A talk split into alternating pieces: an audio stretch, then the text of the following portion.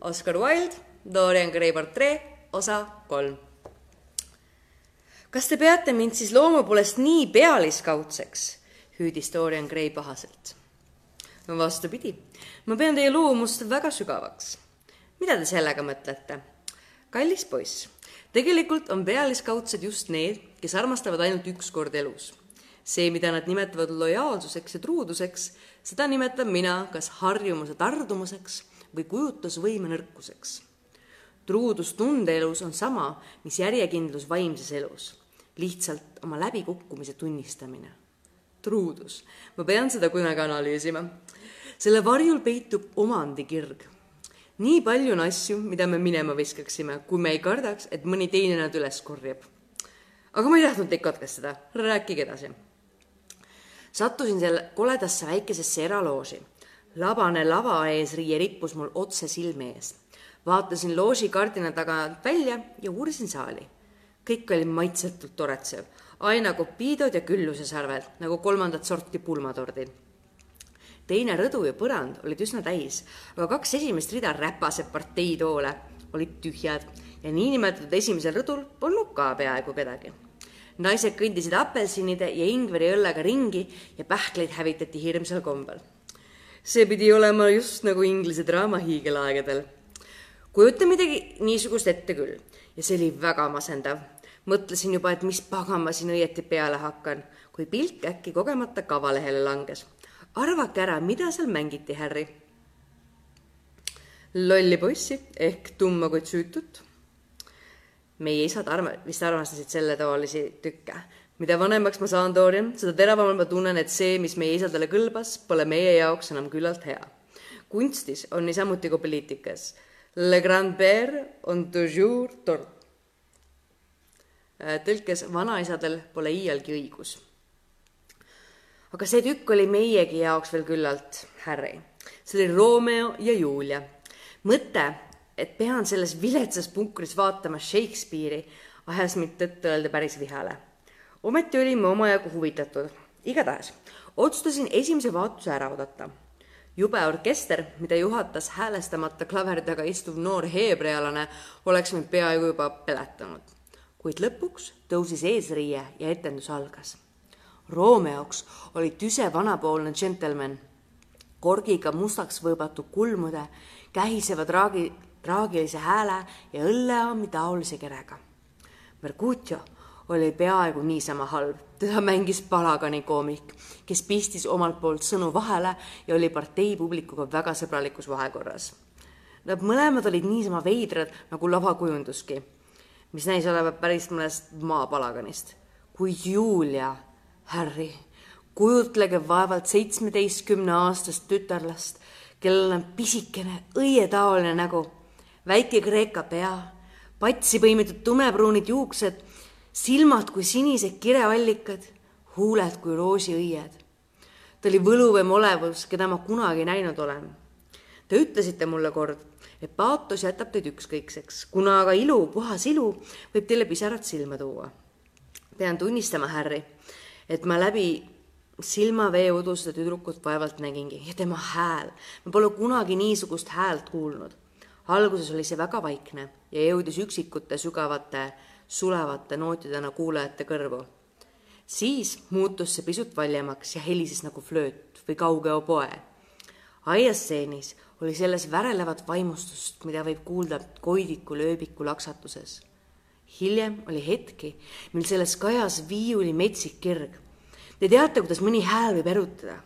Teie ja Sibyl Veini hääled on kaks niisugust, mida ma kunagi ei unusta kui sulen silmad, kuulen neid ja kumbki neist räägib erinevat keelt. ma ei tea, kummale järgneda. miks ei peaks ma teda armastama, Harry? ma armastan teda. tema on mulle elus kõik. õhtust õhtusse käin ma tema mängu vaatamas. ühel õhtul on ta Rosalind, teisel Imogen. olen näinud teda suremas Itaalia hauakambri hämaruses, imedes mürki oma armsama huulilt olen näinud teda ilusaks poisiks maskeerituna sukkpükstes, vammuses ja uhke müts peas läbi Ardenni metsa rändamas. ta on olnud hullumeelne ja sattunud süüga koormatud kuninga ette, kellele andis maitsta kahetsuse kibedaid rohtusid, ta on olnud süütu ja armukadeduse mustad käed on murdnud ta pilliroona hapra kaela. olen teda näinud igas ajajärgus ja igasuguses, igasuguses riietuses. harilikud naised ei ütle meile, meie ettekujutusele midagi. Nad on piiratud vaid oma sajandiga. mitte mingi lummus ei muuda neid teiseks. Nende hinge õpib niisama kergesti tundma nagu nende kübareiki. Neid võib alati läbi näha, neis pole mitte üheski midagi saladuslikku Nad ratsutavad hommikul pargis ja lobisevad pärastlõunasel teel. Neil on oma stereotüüpne naeratus ja peened kombed. Nad on täiesti läbipaistvad. ent näitlejanna, kui erinev on näitlejanna. Harry, miks te mulle ometi ei öelnud, et näitlejanna on ainus, keda tasub armastada? sellepärast, et olen ise nii paljusid neist armastanud, Dorian. oh muidugi, värvitud juuste ja nägudega vastikuid olevusi. ärge põlake värvitud juukseid ja nägusid vahel on nad erakordselt veetlevad, ütles lord Henry. parem, kui ma teile Sibyl Veinist üldse midagi poleks rääkinud. Te ei saanud sinna midagi parata, Dorian. Eluaeg jutustate te mulle kõigest, mida teete. jah, Harry, arvastavasti on see tõsi. paratamatult pean ma teile kõik ära rääkima. Teil on minu peale imelik mõju. kui minust kunagi kurjategija peaks saama, siis tuleksin ja pihiksin teile. Teie mõistaksite mind inimesed nagu teie, elutujukad päikesekiired, ei soorita kuritegusid, Dorian. ometi olen teile teie komplimendi eest väga tänulik. ja nüüd öelge mulle, olge hea poiss, ulatage mulle tuletikut, tänan. milline on teie tegelik vahekord Sibyl Veiniga? Dorian Gray jalg kargas jalule, põsed õhetamas, silmad leegitsemas. Harry, Sibyl Vein on püha ainult pühi asju maksab puutuda, Dorian, ütles lord Henry imeliku paatose varjundiga hääles. aga miks see peaks teid pahandama? küllap ta saab kunagi teie omaks. Kui keegi on armunud, siis alustab ta ikka iseenda petmisega ja lõpetab alati teiste petmisega. seda nimetabki maailm romantikaks. igatahes oletan, et te vähemalt tunnete teda. muidugi tunnen juba esimesel õhtul, kui ma seal teatris olin, tuli see vastik juut pärast etenduse lõppu looži lubas mind kulisside taha viia ja temale tutvustada. ta ajas mind vihale ja ma ütlesin talle, et Julia on juba sadu aastaid surnud ja et ta keha labab Veronas marmorhauas. Otsustada, otsustades ta tobeda jahmunud näo järgi, jäi talle vist mulje, et olen liiga palju vahu viina joonud või midagi niisugust. see ei üllata mind. siis küsis ta, kas ma äkki ajakirjanik pole. ütlesin talle, et ma isegi ei loe kunagi ajalehti ilmselt oli ta sellest kohutavalt pettunud ja usaldas mulle, et kõik teatriarvustajad hauvad tema vastu salanõu ning pealegi olevat nad kõik viimseni müüdavad. ma ei imestaks, kui tal selles osas päris õigus oleks. Aga teisest küljest, nende välimuse järgi otsustades peaksid nad enamasti üsna odavahinnalised olema. paistis, et tema neid oma rahakoti jaoks siiski pidas liialt kalliks, naeris Dorian. vahepeal aga hakati teatris tulesid kustutama ja mul tuli lahkuda ta tahtis, et prooviksin sigareid, mida ta väga soovitas. ma keeldusin. järgmisel hommikul oli muidugi jälle kohal. mind nähes tegi ta sügava kummarduse ja kinnitas mulle, et ma olevat helde kunsti toetaja. Ta on äärmiselt pealetükkiv jõhkard, kuigi tal on haruldane kirg Shakespeare'i vastu. kord rääkis ta mulle uhkusega, et tema viis pankrotti on juhtunud täielikult tänu laulikule, nagu ta Shakespeare'i alati nimetab. näis, nagu loeks ta seda endale mingiks teeneks see ongi teene, armas Dorian, suur teene. suurem hulk inimesi läheb pankrotti, sest nad on teinud liigseid investeeringuid eluproosasse. Ennast luulega ruineerida on aga auasi. kuid millal te siis Sibyl Veiniga esimest korda rääkisite? kolmandal õhtul ta mängis Rosalindi. ma ei saanud teisiti, kui pidin lava taha minema. olin visanud talle paar lille ja ta oli vaadanud minu poole. vähemalt arvasin, et ta seda tegi vana juut käis peale. ta oli nähtavasti kindlalt otsustanud mind lava taha viia ja ma jäin lõpuks nõusse. eks ole veider, et ma õieti ei tahtnudki temaga tuttavaks saada.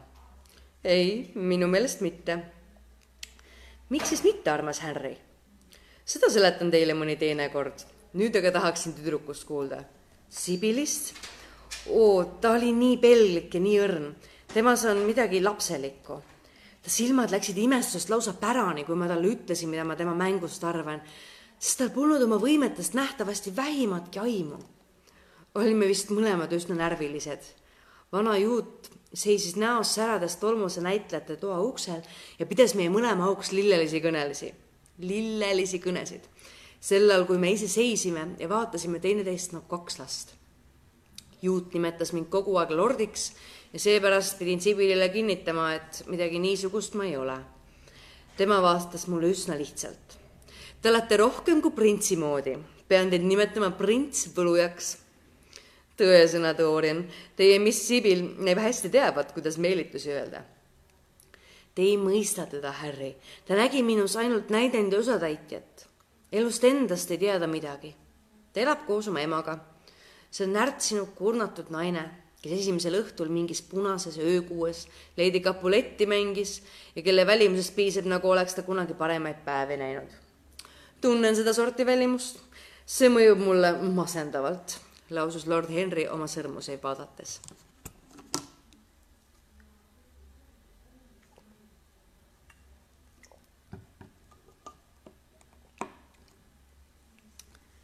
juut tahtis mulle tema elulugu jutustada, aga mina ütlesin, et mind ei huvita. Teil on täiesti õigus. teiste inimeste tragöödias on alati midagi äärmiselt madalat. Sibil on ainus, kellest ma hoolin. mis on minul sellega tegemist, kust ta pärit on? Oma väikesest peast kuni oma väikeste jalgadeni on ta üleni absoluutselt jumalik. kogu oma elu käin ma igal õhtul tema mängu vaatamas ja igal õhtul on ta ühe imelisem.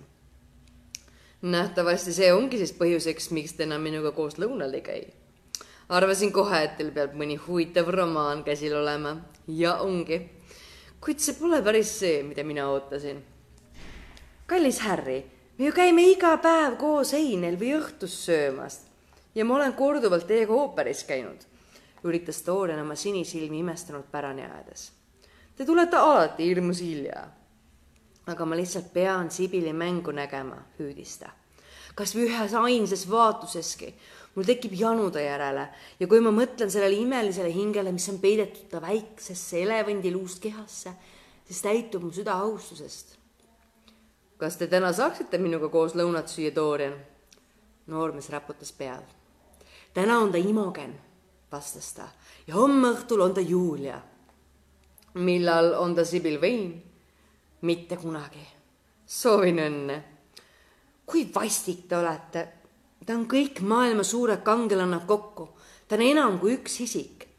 Te naerate, aga uskuge mind, ta on geenius. ma armastan teda ja ma pean püüdma, et ka tema mind armastama hakkaks.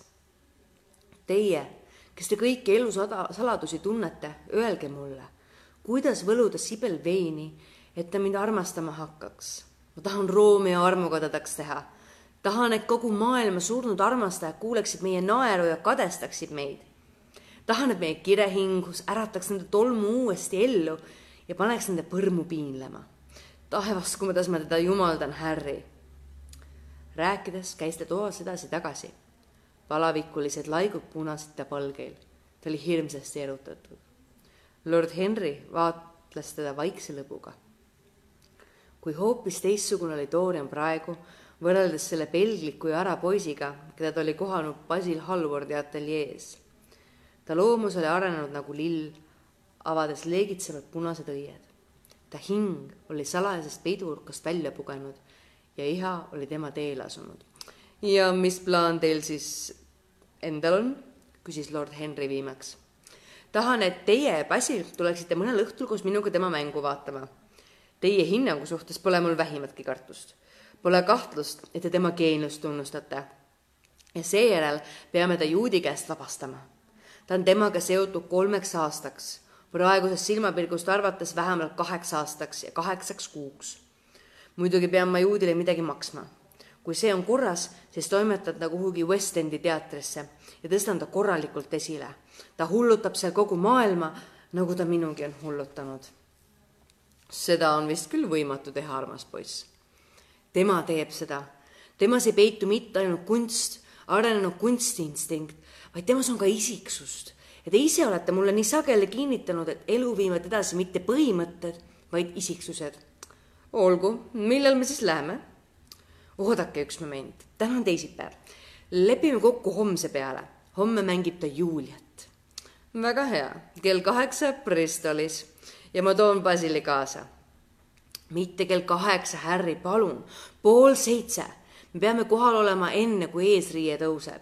Te peate teda nägema esimeses vaatuses, kus ta Romeot kohtab. pool seitse, mis aeg see on? See on ju hullem kui mõni külma lauaga teeõhtu või inglise romaani lugemine. olgu siis kell seitse. ükski džentelmen ei söö lõunat enne kella seitset kui näete vahepeal Basilit ka,, mm, kas näete vahepeal Basilit või kirjutan talle ise? vaene Basil, ma pole teda nädala otsa kordagi vaatamas käinud. see on minust lihtsalt jõle. liiatigi nüüd, kus ta saatis mulle mu portree imelises raamis, mille ta ise selleks otstarbeks oli kavandanud. Ja muidugi see pilt, mis mind pisuks kad-, mis mind pisut kadedaks teeb, sest see on juba terve kuu noorem kui mina. pean ometi tunnistama, et see mulle väga meeldib on ehk parem, kui teie talle kirjutate. ma ei taha teda nelja silma all näha. ta räägib asjadest, mis mind tüütavad, ta annab mulle head nõu. lord Henry naeratas. inimesed ikka armastavad jagada teistele seda, mida nad hädasti ise vajavad. Seda ma nimetan helduse viimaseks piiriks. oh, Basil on tore poiss, kuid mulle näib, et ta on pisut filister. sest saadik, kui ma teid tunnen, Harry, olen hakanud seda märkama kallis poiss, teadke, et kõik selle, mis tema juures meeldivat on, paneb ta oma teostesse. tagajärjeks on, et elu jaoks jäävad tal ainult eelarvamused, põhimõtted ja mõistlikkus. ainsad kükestava kunstnikud, keda ma iial tundnud olen, on halvad kunstnikud. Head kunstnikud eksisteerivad ainult selles, mida nad loovad ja järelikult ei paku see, mida nad ise on, mitte mingit huvi. suur luuletaja, tõeliselt suur luuletaja on kõige ebaluulelisem olevus päikese all, kuid viletsad luuletajad on lihtsalt vaimustavad. mida kehvemad on nende riimid, seda maalilisem on nende välimus. juba ainuüksi tõsiasi, et keegi on mingi teisejärgulise sonetikogu välja andnud, teeb ta lausa vastupandamatuks. Ta elab läbi seda luulet, mida ta kirjutada ei suuda. teised kirjutavad luulet, mida nad ei söanda teostada. huvitav, kas see tõesti nii on, Henry? kahtles Dorian Gray, tilgutades suurest kuldpunniga pudelist, mis seisis laual, taskulatile pisut lõhna oli.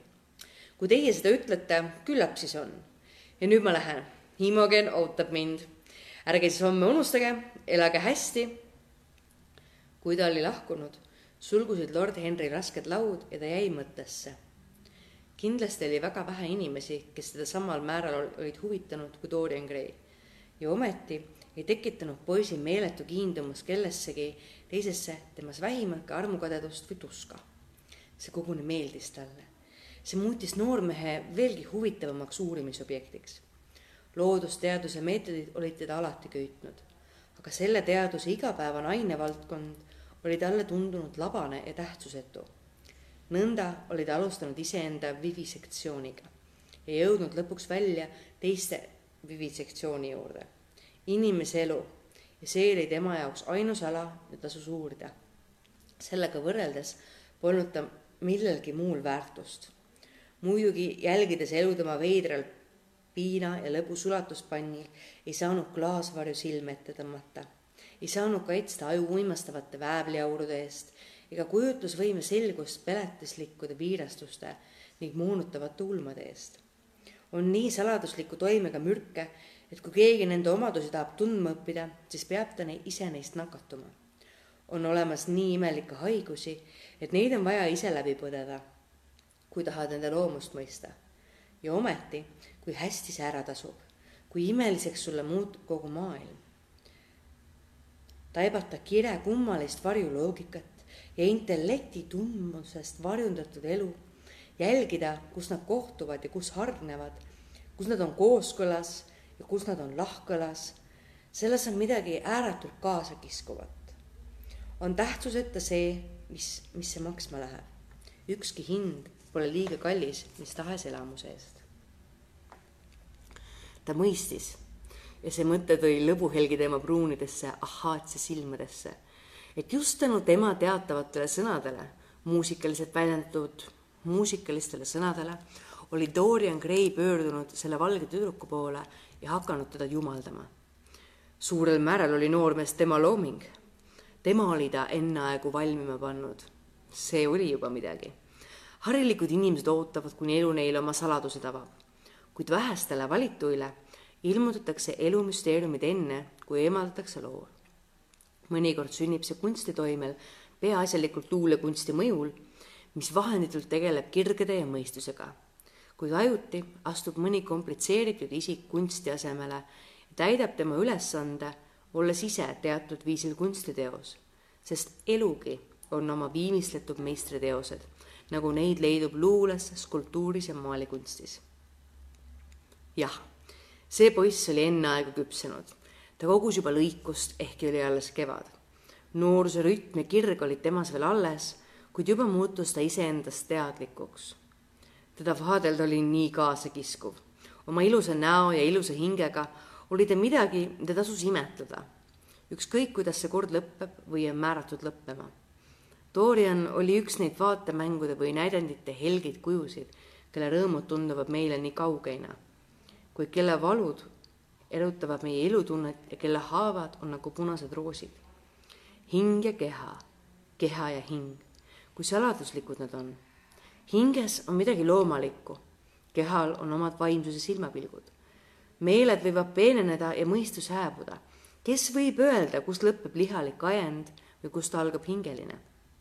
kui pealiskaudsed on tavaliste hingeteadlaste meelevaldsed määratlused ja kui raske on otsustada erinevate koolkondade vahel. kas on hing mingi vari, mis elutseb patuses majas või asub keha tõepoolest hinges, nagu arvas Giordano Bruno. vaimu eraldamine ainest on müsteerium, nagu on seda ka vaimu ühendamine ainega. ta hakkas juurdlema, kas oleks kunagi võimalik muuta psühholoogiat nii absoluutseks teaduseks, et meil avaneks elu viimase kui ühe väikese allika saladus. Praegu mõistame iseennast ikka võõriti ja teistest saame ainult harva aru. kogemusel pole mingit eetilist väärtust nõnda nimetavad inimesed vaid oma eksimusi. moralistid on selles reeglina näinud teatud hoiatust. on sellele iseloomu kujunemisel teatud kõlbelist mõju omistanud. on ülistanud seda kui midagi niisugust, mis meile õpetab, mida eeskujuks võtta ja mis näitab, millest hoiduda. tegelikult ei ole kogemuses mingit ajendavat jõudu. Tegutsemise ajendiks on ta niisama vähe nagu südametunnistuski. tegelikult näitab ta meile ainult, et meie tulevik on samasugune, nagu oli minevikki. ja et pattu, mida me tegime algul jälkusega, kordame hiljem uuesti ja rõõmuga. talle oli selge, et katseline meetod oli ainuke, mille abil võib kirge teatud määral teaduslikult analüüsida. ja Dorian Gray oli talle kindlasti käepärane materjal, mis neist tõotavad rikkalikke ja viljakaid tulemusi. tema äkiline hullumeelne armastus Sibyl Veini vastu oli suurt huvi pakkuv psühholoogiline nähtus. Polnud kahtlust, et selles oli suurel määral uudishimu, uudishimu ja janu uute kogemuste järele. ometi polnud see lihtne, vaid pigem väga komplitseeritud kirg. see, mis siin tulenes puhtalt poisikeselikkusest, meelelisest instinktist, oli kujutlusvõime mõjul moondunud ja muutunud millekski, mis tundus poisile endalegi meelelisusest kaugena ja oli selle tõttu veelgi hädaohtlikum just need kired, mille päritolu suhtes me end petame, valitsevad meie üle kõige vägevamalt. oleme teadlikud ainult oma kõige nõrgemate ajade olemusest. juhtub sageli, et arvates, nagu sooritaksime katseid teiste kallal, katsetame tegelikult hoopis iseendaga. Lord Henry istus ja mõtiskles nende asjade üle, kui kostis koputus ja teener tuli talle meelde tuletama, et on aeg lõunasöögiks riietuda ta tõusis ja vaatas tänavale. vastasmajade ülemistesse akendesse oli loojenev päike, heitnud punast kulda. ruudud kiirgasid nagu kuumad metallplaadid. taevas nende kohal oli kui närtsinud roos. ta mõtles oma sõbra noorest leegivärvilisest elust ja oli huvitatud, kuidas see kõik küll lõpeb. kui ta kell pool üks koju tuli, leidis ta eesruumi laualt telegrammi. ta avas selle ja nägi, et see oli Dorian Graylt kes teatas oma kihlusest Sibyl Veiniga.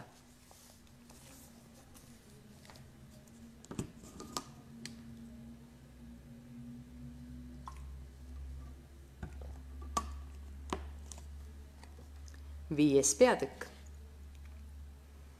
Ema, ema, ma olen nii õnnelik, susistas tüdruk, peites näo närtsinud, väsinud välimusega naise rüppe, kes istus nende viletsa elutoa ainsas tugitoolis, selg ärrita vereda lambivalguse poole. ma olen nii õnnelik, kordas tüdruk. sina pead ka õnnelik olema. mis, mis siis vein võpatas ja puudutas kõhnade vismut valgete kätega tütre pead. õnnelik, kordas ta olen ainult siis õnnelik, Siil, kui ma sind laval esinemas näen. sa ei tohi mõelda millelegi muule peale oma mängu. Mr Isaacs on olnud meie vastu väga hea ja me võlgneme talle raha. tüdruk vaatas üles ja ta nägu läks mossi. raha, ema, hüüdis ta. mis tähendab raha? armastus on rohkemat väärt kui raha. Mr Isaacs andis meile ette viiskümmend naela võlgade maksmiseks ja Jamesile korraliku varustuse muretsemiseks sa ei tohi seda unustada, Sibil. viiskümmend naela on väga suur summa. Mr Isaacs on olnud meie vastu väga tähelepanelik. tema pole džentelmen ema ja ma vihkan seda tooni, kuidas ta minuga räägib, ütles tüdruk, tõusis ja läks akna alla.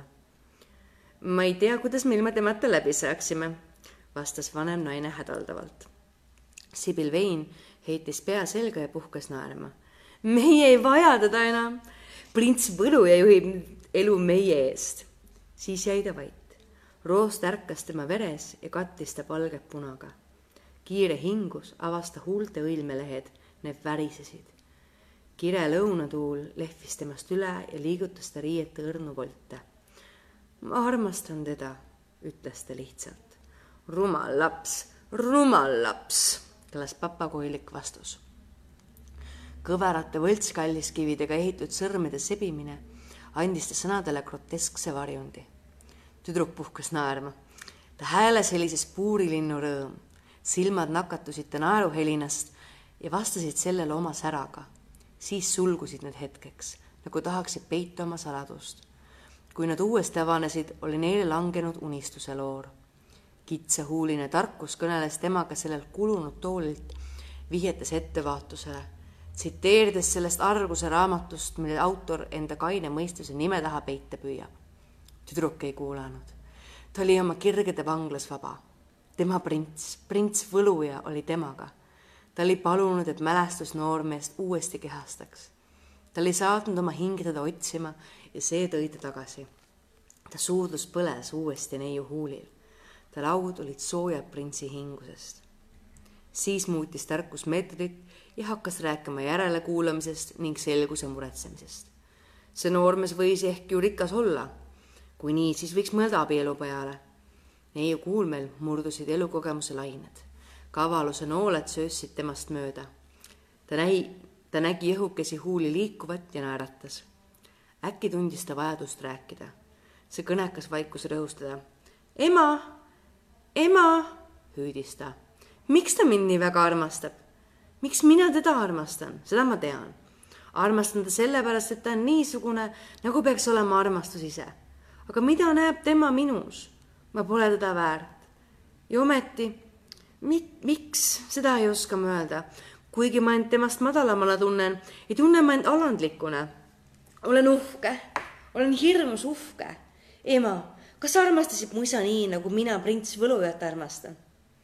Vanem naine kahvatas põski katva krobelise puudrikorra all ja ta kuivad huuled tõmbasid kramplikus valuhoos. Sibil tormas ta juurde, heitis käed talle kaela ümber ja suudles teda. anna andeks, ema, ma tean, et isast rääkimine sulle haiget teeb, kuid valus on see ju ainult sellepärast, et sa teda nii väga armastasid. ära tee nii kurba nägu. mina olen täna niisama õnnelik nagu sina kahekümne aasta eest. ah, lase mul olla igavesti nii õnnelik mu laps, sa oled noor, et armumisele mõelda. pealegi, mida sa sellest noormehest tead? sa ei tea isegi tema nime. kõik see tuleb väga ebasobival ajal ja ma pean ütlema, et nüüd, kus James on Austraaliasse sõitmas ja minul on vaja nii paljude asjade peale mõelda, oleksid sa ikka pidanud tõsisemalt järele kaaluma. aga nagu ma ennist ütlesin, kui ta on rikas. ah ema, ema, lase mul olla õnnelik Mrs Vein vaatas tütrele otsa ja süleles teda teatraalsusega, mis nii sageli näitleja teiseks loomuseks muutub. samal silmapilgul avanes uks ja sisse astus noor, karmide tumedate juustega poiss. kehalt oli ta jässakas, käed-jalad olid suured ja liigutused kohmakavõitu. ta polnud nii peent tõugu kui õde. Nende lähedast sugulust oleks olnud raske aimata. Miss Vein pööras pilgu pojale ja naeratas rõhutatult. Vaimus tõstis ta poja publiku ausse. ta oli veendunud, et tabloo on huvitav. sa võiksid mulle ka mõne suudluse tagavaraks jätta, Sibil, ütles poiss heasüdamlikult urisedes aga sa ju ei armasta siin, et sind suudeldakse, Jim, hüüdis neiu. sina oled va hirmus karu. ta jooksis venna juurde ja kaisutas teda. James Wayne vaatas teda õrnal pilgul. kas sa ei tahaks minuga välja jalutama tulla, Sibil? Vaevalt, et ma seda koledat Londonit enam kunagi näha saan ja mul pole selleks mingit tahtmistki. mu poeg, ära räägi nii hirmsaid sõnu, lausus Mrs Wayne. ta võttis juhatas näruse teatrikostüümi ja asus seda lappima ta oli pisut pettunud, et poeg nende grupiga ei liitunud. see oleks olukorra teatraalset maa, maalilisust suurendanud. miks ma peaksin seda tahtma, ema? ma mõtlen seda tõsiselt. Ära piina mind, poeg. olen kindel, et sa tuled jõuka mehena Austraaliast tagasi. arvatavasti pole asumaades üldse seltskonda, vähemalt mitte selleteolist, mida mina seltskonnaks nimetaksin nii et kui oled kogunud varandust, siis sa pead tagasi tulema ja ennast Londonis maksma panema. seltskond, urises poiss. sellest ma ei taha kuuldagi. tahaksin pisut raha koguda, et sind ja Sibilit teatrist ära võtta. ma vihkan teatrit. Oh, Jim, ütles Sibil naerdes, kui tore sa oled. kas sa tõesti tahad minuga jalutama tulla? see oleks tore. ma kartsin juba, et lähed oma sõpradega jumalaga jätma näiteks Tom Hardy poole, kes sulle selle vastiku piibu kinkis. või Ned Langtoni juurde, kes sinule nalja heidab, kui sa seda suitsetad. see on sinust äärmiselt kena, et sa oma viimase õhtupooliku minule ohverdad. kuhu me lähme? Lähme Hyde parki. selleks olema liiga viletsalt riides, vastas poiss kulmu kortsutades. seal käivad ainult peened inimesed. lollus, Jim, sosistas tüdruk ja silitas ta kuuekäist. poiss kõhkles silmapilgu olgu peale, ütles ta viimaks, aga vaata, et sul riidesse panemisega liiga kaua aega ei lähe. neiu tantsis uksest välja. oli kuulda, kuidas ta lauldes trepist üles jooksis. ta väikesed jalad kõpsutasid ülemisel korral. poiss kõndis paar-kolm korda toas edasi-tagasi, siis möödus ta vaikiva kuju poole tugitoolis. ema, kas mu asjad on valmis pandud? küsis ta. kõik on valmis, James, vastas ema pilku töölt tõstmata viimase kuu tundis ta end ebamugavalt, kui ta oma karmi tõsise põjaga üksi jäi. tema sisemiselt pealiskaudne loomus sattus segadusse, kui nende pilgud kohtusid. ajuti küsis ta endalt, kas poeg teda viimati milleski ei kahtlusta. kuna poeg rohkem midagi ei öelnud, muutus vaikus emale väljakannatamatuks. ta hakkas hädaldama. naised kaitsevad end alati kallaletungiga, just nagu nad kallale tungivad ootamatu ja imeliku alistamisega loodan, et sa meremehe eluga rahule jääd, James, ütles ta. aga pea meeles, see on su oma valik. sa oleksid võinud advokaadikontorisse tööle saada. advokaadid on väga lugupeetud seisus ja maal istuvad nad sagedasti parimate seltskondadega lõunalauas. ma ei salli kontoreid ega ametnikke, vastas poeg. aga muidu on sul täiesti õigus. ma korraldasin oma elu ise, mul pole muud öelda, kui et valva Sibili järel. ära lase talle midagi halba juhtuda ema, sa pead tema üle valvama. sa räägid väga imelikult, James. muidugi ma valvan Sibili järele. olen kuulnud, et üks džentelmen ilmub igal õhtul teatrisse ja käib lava taga Sibiliga rääkimas. on see tõsi? kuidas sellega on? sa räägid asjadest, mida sa ei mõista, James. Meie oma elukutse juures oleme harjunud rohke ja ülimalt rõõmustava tähelepanu osaks saama. mina ise sain oma peal väga palju lillekimpe. see oli aeg, kus näitekunsti veel hinnata osati mis puutub Sibilisse, siis ma ei tea veel, kas tema kiindumus on midagi tõsisemat või mitte. aga pole vähimatki kahtlust, et kõnes, kõnes olev noormees on täielik džentelmen. minu vastu on ta alati äärmiselt viisakas. Pealegi paistab ta rikas olevat ja lilled, mis ta saadab, on imeilusad. tema nime sa siis ei tea? küsis poiss karmilt. ei, vastas ema leebel Hilmev. ta pole oma õiget nime veel avaldanud. minu meelest on see temast väga romantiline arvatavasti on ta aristokraat. James Vane hammustas huult. valva Sibili järele, ema, hüüdis ta. valva ta järele. Mu poeg, sa kurvastad mind väga. Sibil on alati minu erilise valve all, aga kui see džentelmen on rikas, siis ma ei näe põhjust, miks mitte temaga seaduslikke sidemeid sõlmida. ta on vist aristokraat, välimuse järgi otsustades igatahes küll. sellest võib kujuneda Sibilile lausa hiilgav partii. Neist saab tore paar. tal on silmatorkavalt hea välimus, see äratab kõigi tähelepanu noormees pomises midagi endamisi ja põristas jämedate sõrmedega vastu aknaruutu ta pöördus parajasti ümber, et midagi öelda, kui uks avanes ja Sibil sisse jooksis. kui tõsised te mõlemad olete, hüüdis ta. mis on juhtunud? ei midagi, vastas poiss. eks vahel pea ometi ka tõsine olema. head päeva, ema. kella viieks tulen lõunale. kõik peale särkida on pakitud, nii et sul pole vaja muretseda. head päeva, poeg, vastas ema, kummardades ülepingutatud tseremoniaalsusega toon, mida tema poeg temaga rääkides oli kasutanud, ärritas teda hingepõhjani ja poja pilgus oli midagi, mis talle hirmu peale ajas.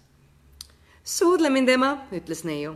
ta õietaolised huuled puudutasid närtsinud jäiseid palgeid ja soojendasid neid. mu laps, mu laps, hüüdis Mrs Vein lakke vaadates, tõstes pilgu kujuteldavate rõduloožide poole. tule, Sibil, ütles verd, vend kärsitult. ta ei talunud ema teiseldud tundeküllust Nad astusid sädelevasse tuglisesse päikesepaistesse ja hakkasid minema mööda kõledat Houston Roadi. vastutulijad vaatasid imestades tusast tüsedat poissi jämedakoelises halvasti istuvas ülikonnas, kes kõndis nii meeldiva ja elegantse neiu kõrval. ta oli nagu lihtne aednik, kes jalutab roosiõies näpus. Jim kortsutas kulmu, kui ta aeg-ajalt mõne võõra uurivat pilku tähele pani. tal oli vastik see õlitamine, mida geeniused vanas eas põlastavad ja mida tavalised inimesed üldse kunagi kannatada ei suuda. kuid Sibil oli oma mõjust täiesti teadlik äh.. kuid Sibil oli oma mõjust täiesti ebateadlik. armastus väreles ta naerukil huultel. ta mõtles prints Võlu eest ja selleks, et ta, et ta temast veelgi rohkem mõelda saaks, ei rääkinud ta temast, vaid lobises laevast, millega Jim pidi merele minema, kullast, mida ta kindlasti leida lootis ja imelisest pärijannast, kelle ta pidi päästma kurikavalate punasärgiliste metsavendade käest. sest ta ei tohtinud jääda lihtsaks madruseks või lahtmeistriks või mis ta esialgne amet õieti oligi. oh ei, meremehe elu on hirmus. mõelda vaid, et oled nagu needitud koledasse laeva, kuhu kipuvad sisse mürgavad küürakad lained, kuna must torm mastid maha murrab ja käristab purjed pikkadeks laperdavateks ribadeks. Melbourne'is peab Jim laevalt lahkuma, kapteniga viisakalt jumala jätma ja otsetee kullaväljadele minema. ja vähem kui nädala pärast satub talle ette suur puhta kulla kamakas, suurem kui varemalt kunagi leitud ja selle toob ta kuue ratsapolitseiniku kaitse all vankriga mereranda. tee peal tungivad metsavennad talle kolm korda kallale, aga iga kord lüüakse nad pärast tohutut tapatalgut tagasi. aga ei parem ärguda kullaväljadele üldse mingu. Need on koledad kohad, kus inimesed joovad, üksteist paardes maha kõmmutavad ja rumalasti räägivad. Jimmist peab saama hoopis kena lambakasvataja ja ühel õhtul, kui ta kodu poole ratsutab, näeb ta ilusat pärijannat, keda röövel musta hobuse seljas minema viib. ta kihutab neile järele ja vabastab ohvri. Muidugi hakkab see teda armastama, nagu Jim tedagi, ja nad abielluvad, tulevad koju ja hakkavad Londonis ilmatu suures majas elama jah, elul oli Jimmi jaoks varuks toredaid üllatusi. aga Jim peab seejuures ise heaks poisiks jääma, mitte meelerahu kaotama ega oma raha rumalalt pillama. õde oli vennast ainult aasta vanem, aga elust teadis ta oma kinnitust mööda palju rohkem kui tema. Tingimata peab Jim temale iga postiga kirjutama ja igal õhtul enne magama heitmist palvet lugema. jumal on hea ja tema silm valvab Jimmi üle. tema, Sibil tahab venna eest palvetada ning mõne aasta pärast tuleb Jim rikkana ja õnnelikuna koju tagasi. poiss kuulas teda tusaselt ega vastanud midagi. tal oli kahju kodunt lahkuda. kuid mitte üksnes see ei teinud teda süngeks ja tusaseks. Kuigi tal puudusid elukogemused, vaevas seda siiski raske mure Sibili ohtliku seisukorra pärast. see noor tändi, kes õe ümber lipitses, ei tähendanud head. ta oli džentelmen ja Jim vihkas teda juba sellepärast, vihkas seda millegi seletamatu tõuvaistuga, mis oli ebateadlik ja seda võimsam. samuti tundis poiss ema pealiskaudset edevat loomust ning nägi selles Sibilile ja tema õnnele tohutut hädaohtu. algul armastavad lapsed vanemaid. Vanemaks saades mõistavad nad end, enda üle kohut. mõnikord annavad nad neile lõpuks andeks. ema. Jimil oli midagi südamel, mille kohta ta tahtis emalt aru pärida. midagi, mida ta oli kuude kaupa endamisi haudunud. juhuslik lause, mida ta teatris oli kuulnud, sosistatud pila, mis muutus ta puutus ta kõrvu ühel õhtul, kui ta lavaukse juures ootas, oli temas vallandanud hirmsate mõtete ahela. Ta mäletas seda nagu piitsahoopi näkku. ta kulmud tõmbusid kiiluna kokku ja valutuksatusega hammustas ta alumist kuult.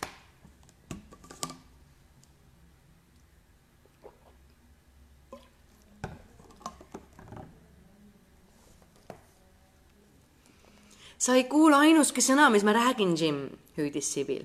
ja ometi teen ma sinu tuleviku kohta kõige ilusamaid plaane. ütle ometi midagi.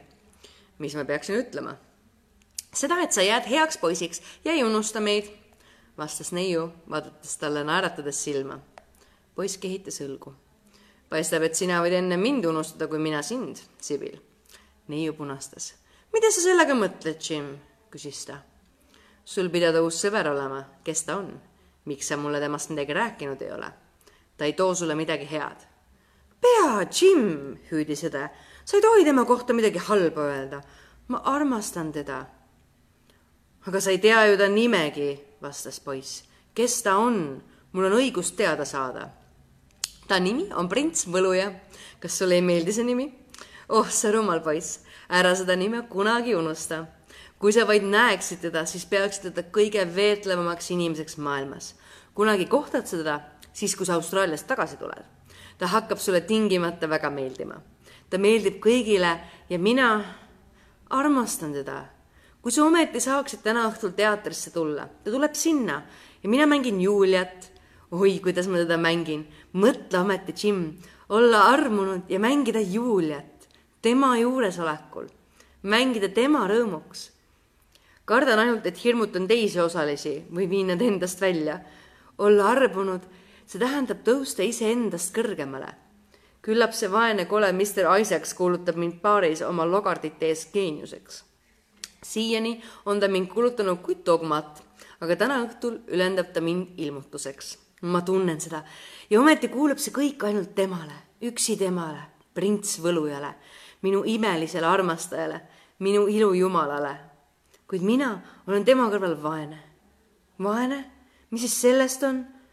kui vaesus ronib uksest sisse, lendab armastus aknast sisse. meie vanasõnad tuleks ümber teha. Nad on talvel tehtud. aga praegu on suvi. minu jaoks vist kevad, õilmete tants sinises taevas. ta on džentelmen, ütles poiss tusaselt. ta on prints, hüüdis tüdruk laulvalt. mida rohkem sa veel tahad? ta tahab sind hurjastada ma hakkan värisema, kui mõtlen vabadusele ilma temata. hoia ennast tema eest. teda näha tähendab teda jumaldada, teda tunda tähendab teda usaldada. Sibil, sa oled hull tema järele. õde hakkas naerma ja võttis vennal käe alt kinni. kallis vana Jim, sa räägid nagu mõni sajaaastane. ühel heal päeval armukas sina. küll sa siis tunned, mis see on. ära tee nii kurja nägu sul peaks ju hea meel olema, et sa lahkudes näed mind õnnelikumana kui kunagi varem. elu on meile mõlemale karm olnud, hirmus karm ja raske. kuid nüüd muutub see kõik teiseks. sina lähed uude maailma ja mina olen selle juba leidnud. näe, siin on kaks tooli, istume ja vaatame, kuidas peened inimesed jalutavad. Nad võtsid vaatajate hulgas istet. tulbipeenrad teisel pool teed leegitsesid tuliringidena liikumatus õhus hõljus valge tolmupilv nagu pahvak lõhnavat iirisepuudrit. eredavärvilised päikesevarjud hilplesid ja tantsisid nagu hiigliliblikad. Sibil pani venna jutustama iseendast, oma lootustest ja kavatsustest. Jim rääkis pikkamisi ja sunnitult. Nad vahetasid sõnu nagu mängijad mängumarke. Sibilil läks süda raskeks. ta ei suutnud oma rõõmu vennale edasi anda. nõrk naeruvine venna tusastel huultel oli ainus vastukaja, mida ta saavutas. viimaks jäi tüdruk vait. äkki tabas ta pilk kuldseid juukseid ja naeratavaid huuli. Dorian Gray koos kahe daamiga sõitis lahtisest õlles mööda. Neiu kargas püsti. seal ta ongi, hüüdis ta. kes? küsis Jim Wayne. prints Võluja, vastas neiu sõidukile järele vahtides. James kargas püsti ja haaras karmilt õe käsivarast kinni. näita teda mulle, kus ta on, näita täpselt.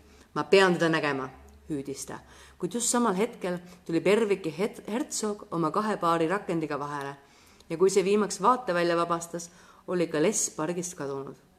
Läinud, lausus Sibil, Sibil nukralt. tahtsin nii väga, et sa oleksid teda näinud. mina tahtsin ka, sest nii tõesti, kui Jumal on taevas, tapan ma tema, kui ta sulle midagi halba teeb. õudusega vaatas õde vennale otsa. poiss kordas oma sõnu uuesti. Need lõikusid pistludana õhku. inimesed nende ümber hakkasid vahtima. keegi daam Sibili lähedal kihistas naerda. tule ära, Jim, tule ära, susistas neiu. Tõrksalt tuli vend talle läbi rahva hulga järele. ta tundis oma sõnadest rõõmu. Achillease kuju juures pöördus tüdruk ümber. ta silmis oli kaastunne, mis huultel naeruks muutus. ta raputas pead. sa oled arust ära, Jim, täiesti arust ära. pahastujus poisike, muud midagi. kuidas sa võid nii hirmsaid asju öelda? sa ei tea, mis su suu räägib, sa oled lihtsalt armukade ja paha. oh, soovin, et sa ise armuksid. Armastus teeb inimesed heaks, aga see, mis sina ütlesid, on kurjast. mina olen kuusteist täis, vastas Jim ja ma tean, mis mu kohus on. emast pole sul vähematki tuge. tema ei oska sinu järele valvata. praegu ei taha ma üldse Austraaliasse sõitagi. jätaksin kogu selle kupatuse hea meelega katki ja seda ma teeksingi, kui lepiks pole, leping poleks alla kirjutatud oh, ära võta seda nii tõsiselt, Jim. sa oled nagu ema nende tobedate melodraamade kangelased, kus, kus ema ikka nii kangesti mängida armastas. ma ei taha sinuga riidu minna. nägin teda ja teda näha tähendab täiuslikku õnne. ei maksa tülitseda. ma tean, et sa ei tee kunagi halba kellelegi, keda ma armastan, ega? seni muidugi mitte, kui sa teda armastad, oli tusane vastus. ma armastan teda igavesti, hüüdis neiu. ja tema ka igavesti. see olekski talle parem. Sibil tõmbus järsult eemale, siis aga hakkas ta naerma ja võttis vennalt käe alt kinni. oli ta ju alles poisike. marmorkaare juures astusid nad omnibussi, mis tõi nad nende viletsa kodu lähedusse Euston Roadile. kell oli juba viis läbi ja Sibil pidi enne etendust paariks tunniks puhkama heitma. Jim nõudis, et ta seda teeks ta ütles, et tal oleks õest kergem lahkuda, kui ema juures ei ole. Ema oleks tingimata jälle etenduse korraldanud, aga poiss ei talunud stseene. Sibili toas jätsid nad jumalaga. poisi südant näris armukadedus ja äge mõrtsukalik viha selle võõra vastu, kes nagu talle näis, oli astunud õe ja tema vahele. aga kui tüdruk talle käed kaela ümber heitis ja sõrmedega ta juukseid sesis, läks ta süda pehmeks ta suudles õde tõelise hellusega. kui ta trepist alla läks, olid ta silmad pisarais. Ema ootas teda all ja torises poja ebatäpsuse pärast. poiss ei vastanud midagi, istus vaid lauda ja hakkas oma kehva einet võtma. kärbsed sumisesid laua ümber ja ronisid määrdunud linal. läbi bussimüra ja troškalogina kuulis ta ema tüütut vada, mis kulutas ta viimased järele jäänud minutid. mõne aja pärast lükkas ta taldriku kõrvale ja jäi käsi põsakil istuma ta tundis, et tal on õigus teada saada, kui asi oli nii, nagu ta aimas. oleks sellest tulnud juba ehk varem rääkida. ema jälgis teda, hirmus tuhakarva. mehaaniliselt langesid sõnad ta huulilt. räbaldunud pits taskurätt värises ta sõrmede vahel. kui kell oli kuus, tõusis poiss ja läks ukse juurde. seal pöördus ta ümber ja vaatas emale otsa. Nende pilgud kohtusid. poeg luges ema silmist meeleheitlikku armuandmispalvet säästa marru.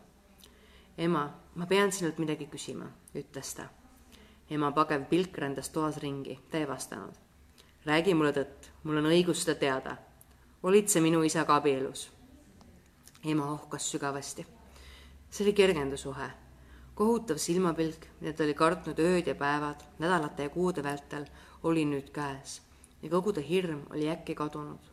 tegelikult oli ta isegi teatud määral pettunud küsimuse labane otsekohesus nõudis ju otsekohest vastust. situatsioon ei olnud järk-järgult välja arendatud. see oli liiga krobeline ja tuletas meelde halba draamaproovi. ei, vastas ta ja imestas elu karmi lihtsuse üle. minu isa oli siis lurjus, hüüdis poiss käsi rusikasse tõmmates. ema raputas pead. teadsin, et ta ei olnud vaba. Me armastasime teineteist väga. oleks ta kauem elanud, siis oleks ta meie eest ka hoolt kandnud. ära räägi temast halba, poeg. tema oli see sinu isa ja džentelmen tal oli suhteid väga kõrgete isikutega. poja suust kostis vandesõna. mulle isiklikult on see ükskõik, hüüdis ta, aga ära lase Sibilit. see, kes teda armastab või vähemalt ütleb, et armastab, on ju ka džentelmen. arvatavasti on temalgi väga suuri suhteid. silmapilguks valdas ema vastik alanduse tunne. Ta pea vajus longu.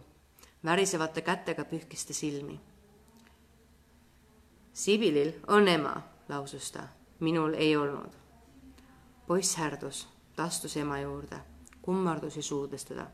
anna andeks, kui ma sulle selle küsimusega valu tegin, ütles ta. aga ma ei saanud teisiti, pean nüüd minema.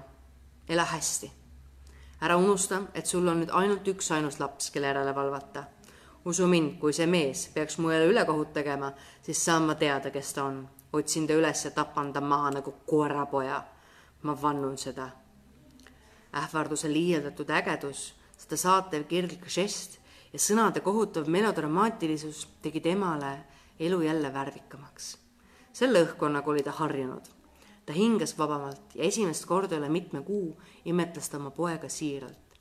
ta oleks tahtnud seda imet, ta oleks tahtnud seda stseeni samal emotsionaalsel pinnal jätkata, kuid poeg katkestas teda järsult. kohvrid tuli alla kanda, kaelaratid välja otsida. majahoidja sagis sisse ja välja ja siis tuli veel voorimehega tingida. viimane silmapilk uppus labastesse pisiasjadesse ja uued maad võtva ja uuesti maad võtva pettumustundega lehvitas ema aknast rebaldunud pits taskurätti, kui poeg minema sõitis.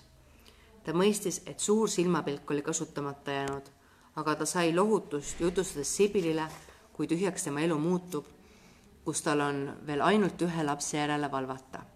see lause oli talle meelde jäänud see meeldis talle. ähvardusest ei lausunud ta sõnagi. see oli sõnastatud nii elavas ja dramaatilises vormis. ta tundis, et ühel ilusal päeval naeravad nad kõik selle üle